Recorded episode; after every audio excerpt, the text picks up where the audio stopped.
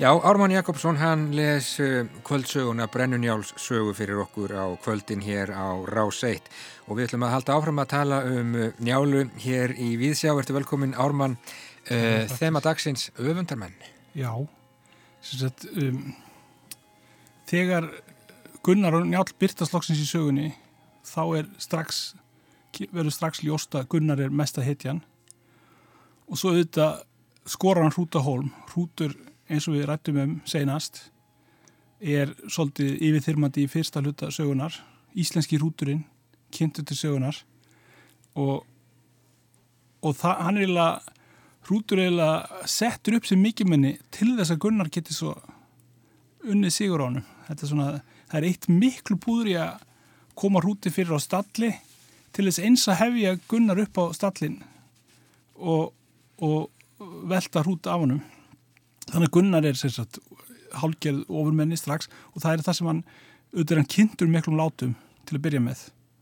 Svo er þetta atrið það sem hann beiti fyrst brellum en svo skiptir engum máli vegna það er raun og vera því hann skora hann á holm sem, sem hann að hrútur verður að láta undan.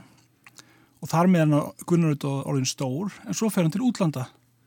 Og þar er hann ennþá starri og þar verður náttúrulega þessi rosalegu bardar þannig að hann er stuðut að að sína langstökk og hástökks hæfileika sína hvers skipt sem spjót kemur hlaupandi aðan og þá stekkur hann upp yfir spjótið og grýpur það á lofti.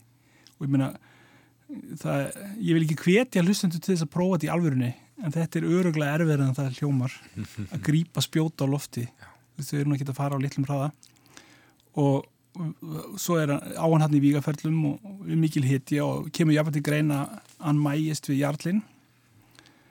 Og kemur svo heim og giftir sig og lendir í þessum uh, heimilisböli með hallgerði sem dregur hann svolítið niður. En það, þeir sættast á það lokum, Njál og Gunnar og þá tekum við þetta skrítna tíumbil sem er bara að það er uh, hver hópurinn af öfundamunum á fætur öðrum. Njál segir margir munu þig öfunda, er það ekki? Já, og, og Gunnar er bara svo glæstur það kemur mjög skýrt fram þegar starkaðar sínir að ræða um Gunnar og sýstirinn segir að Gunnar sé bestur og, og þeir segja að þið konur þið elskið Gunnar og það voru þetta engin vegspjöld til á þessum tíma en Gunnar hefði verið á þeim öllum. Allar yngismegar á Íslandi hefði haft Gunnar á vegspjaldi heima og þetta veldur auðvitað mikil öfund hjá öllum öðrum kallmennum þeim finnst Gunnar einhvern veginn skikja á sig og Gunnar segir sjálfur að sein þreyttur til vandraða og fyrst leiðir þetta vega menn en það nú reyndar ekkit í sögunni sem bendur þess að það sé satt. Hann er tilbúin þegar uh, á er kallað. Og auðvita það er mörgu sem finnst Gunnar ekki tilstaklega gáfaður. Og það verður að segja þessu er að vegna þess að nýjallir svo mikil yfirbara maður þá er Gunnar hans bliknar svolítið í samanbörunum þegar kemur á vitsmörunum og hann, það er ímsið enginlega sem hann gerir eins og þegar hann fyrir til Ottkjells og vil fá hei, vil kaupa hei frá hann og hann er ekki reynd að fara til Njáls fyrst. Og það er sennilega út af þessu vandamáli með Sigmund. Hann var svo setna að byggja um bætu fyrir Sigmund. Og svo að lokum tósta þeir náðu sáttu um það. En þá er eins og það sé Gunnar í finnist hann skuldin í áleikvað Já að þetta hafi ekki verið, þeir hafi ekki lokið þessu á jöfnu. Og þar að leðandi fyrst honum erfitt að kaupa hei af, af njáli. Og reyndar er það bergþóla sem rekur njál af stað að selja honum hei það er svolítið skemmtileg atriði þegar njál kemur skindilega með hesta á hestu með heið og vatinn og allt til, til Gunnars. En í millitíðinni hefur hann átt í útistöðum við Ótkjell sem er ekki higginum aður Ótkjell er að ríkur og góðum ættum og skildmenni göfur að manna en hann er það sem við getum kallað talhlýðin. Og það sem verra er besti vinnur hans er fullkomlega ótröstverður sem er skamkjell það er reyndar í njálu það er alltaf svona eitt ílminni í hverjum þætti Já. sem varpar ljósi á sögunni. Í fyrsta þættinum verða þjóstólfur og þjóstólfur er bara svona ofbeldsmaður hann grýpa til vopna og hann verðist vera mjög afbríðsamur fyrir hönd hallgerðar og það er ekkur hann áfram svona. Þetta, af, mann er dettur í hjóðans í afbríðsamur að því hann fyrir að ræða kynlíf glúms og hallgerðar við glúm. Já. þannig að það er, maður tilfinningur að hann liggi andvaka á nóttinu og velti fyrir sér hana, þessu, þessu efni. En skamkjell er alltaf öðruvísi. Það sem rekur hann áfram með einhver vilji til að þykjast vera miklu merkilegur maður hann er. Og einar Ólafur Svensson sagði á sínum tíma að skamkjell virtist vera maður sem lifði í eigin draumórum. Þar að segja að hann gerði í raun og veru engin greinamun og draum og veruleika.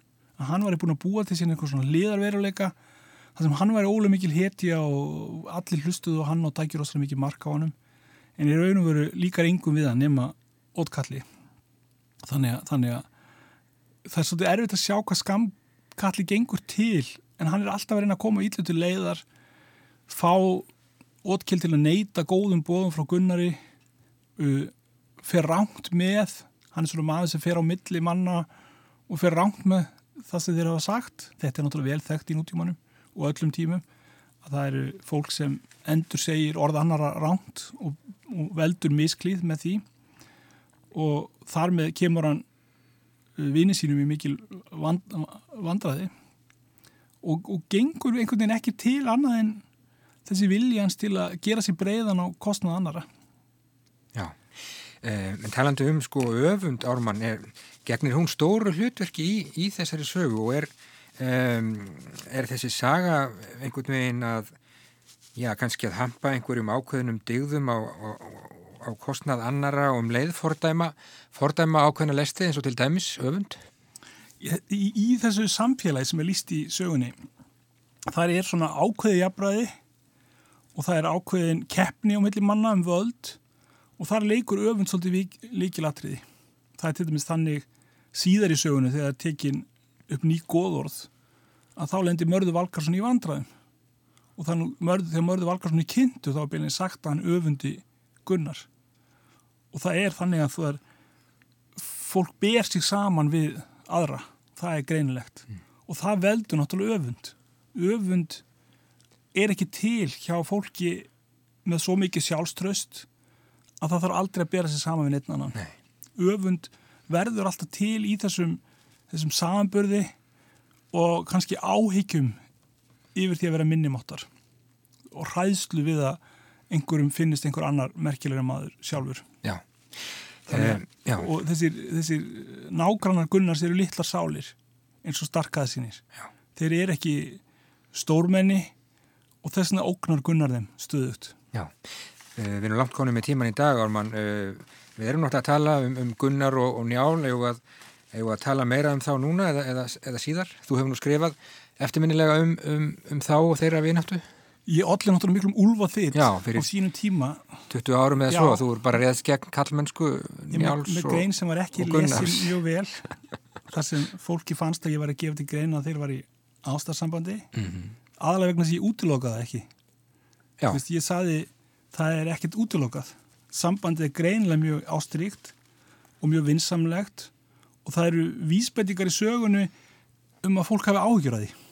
Það er að segja fyrsta vísbendingin er svo að Gunnar er tregur til að viðkynna njátt sér einhver sérstakur vinur hans. Þannig að þegar unnur spyr hann farð og talaði við njál þá segir Gunnar það er nú vona að hann ráði mér heilt sem öðrum.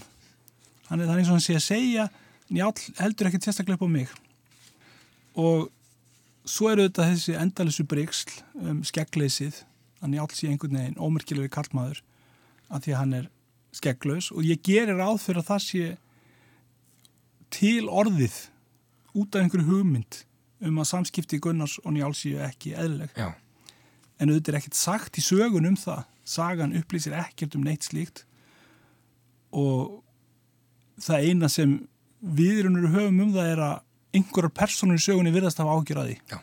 Ekkert annað en það. Og í raun og veru skiptir þetta einhver máli. Þú veist, nákvæmlega hvers konar þú veist, þó að sé erfitt fyrir fólk að trúa því, þá skiptir einhver máli hver sefur hjá hverjum.